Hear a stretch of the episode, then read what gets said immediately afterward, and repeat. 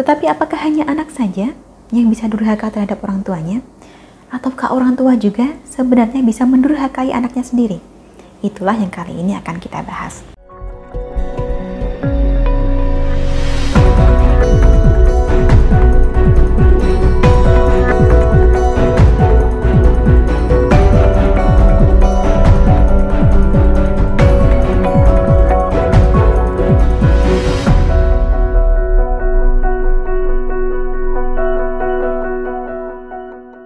Salam Rahayu, kembali lagi dengan saya Dewi Suntari. Apa kabar Anda? Saya doakan semoga selalu sehat dan senantiasa diberikan kemudahan serta kelancaran di mana pun Anda berada. Sering kita mendengar bahwa durhaka itu dosa besar.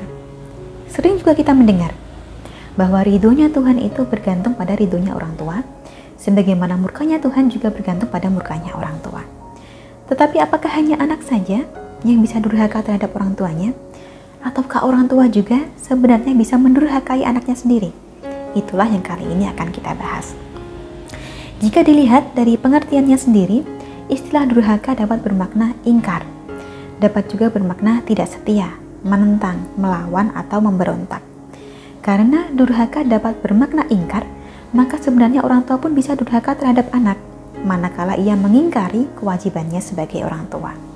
Inilah yang perlu menjadi pelajaran bagi kita, terutama bila kita sudah memiliki buah hati, agar jangan sampai mendurhakai anak sendiri. Lalu, perbuatan apa sajakah yang dapat dikatakan sebagai suatu bentuk kedurhakaan terhadap anak? Yang pertama adalah bila orang tua memberi nafkah untuk anaknya dari hasil kerja atau usaha yang haram, termasuk misalnya korupsi, merampok, mencuri, menjamret, membalak hutan, atau bahkan mendistribusikan narkoba. Kemudian yang kedua, juga adalah ingkar namanya bila orang tua tidak memberikan teladan yang baik bagi anak-anaknya. Apa-apa yang semestinya boleh dilakukan dan apa-apa yang semestinya tidak boleh dilakukan. Karena bagaimanapun, teladan atau contoh pertama yang dilihat seorang anak adalah orang tuanya. Sedangkan yang ketiga adalah termasuk perbuatan durhaka bila orang tua membiarkan atau bahkan merendahkan anaknya sendiri, termasuk berkata kasar kepada anak, apalagi sampai menghina dan merendahkan sebab hal ini merusak mental anak. Lantas, apa dampaknya bila kita ingkar dari kewajiban kita sebagai orang tua? Banyak dari kita tidak sadar bahwa anak yang durhaka kebanyakan berawal dari orang tua yang durhaka. Anak tidak patuh dan tidak bersikap baik terhadap orang tua karena sejak awal pun orang tua tidak bersikap baik terhadap anaknya. Jika situasinya semacam ini, maka akan sulit bagi kita untuk mempersalahkan si anak. Sebab sebelum anak ini durhaka pada orang tuanya, orang tua tersebut memang sudah durhaka pada anaknya.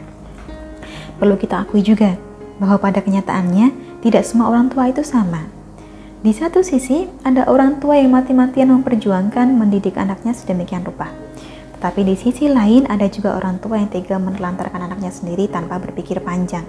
Dan di antara kedua sisi ini, masih ada berbagai macam orang tua dengan tabiatnya yang beraneka rupa.